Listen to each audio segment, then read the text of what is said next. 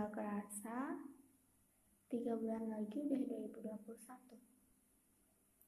Tahun ini jalannya cepet banget. Padahal belum ketemu keluarga, teman-teman, belum sempat nongki-nongki. Tahu-tahu udah tahun depan. Hmm. Kita semua terjebak.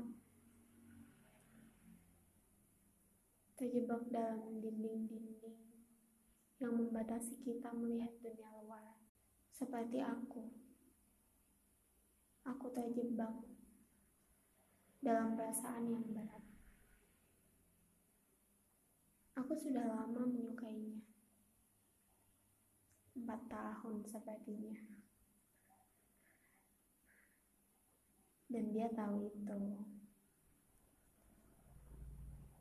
Dia tahu kalau sejak lama aku memendam perasaan.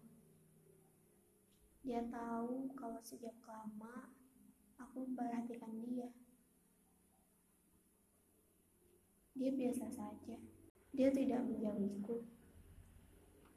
Aku senang. Tapi yang gak dia tahu adalah bagaimana cara membalasku. Sedang dia sendiri mengharapkan orang lain yang entah mengharapkan siapa.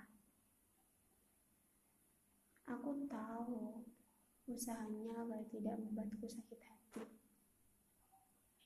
Tapi aku juga tahu bahwa dia melakukan itu karena dia sendiri pun gak mau disakitin gadis impiannya. Dia memperlakukanku dengan baik, masih mau mengobrol denganku, masih memperlakukanku seperti dulu,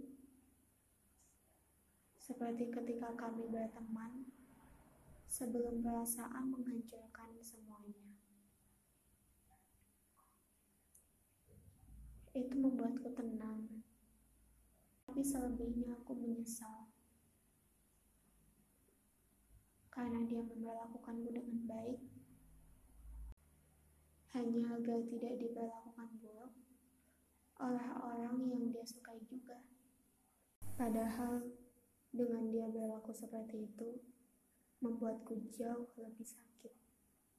Karena fakta itu jelas di depan mataku bahwa dia cuma kasihan.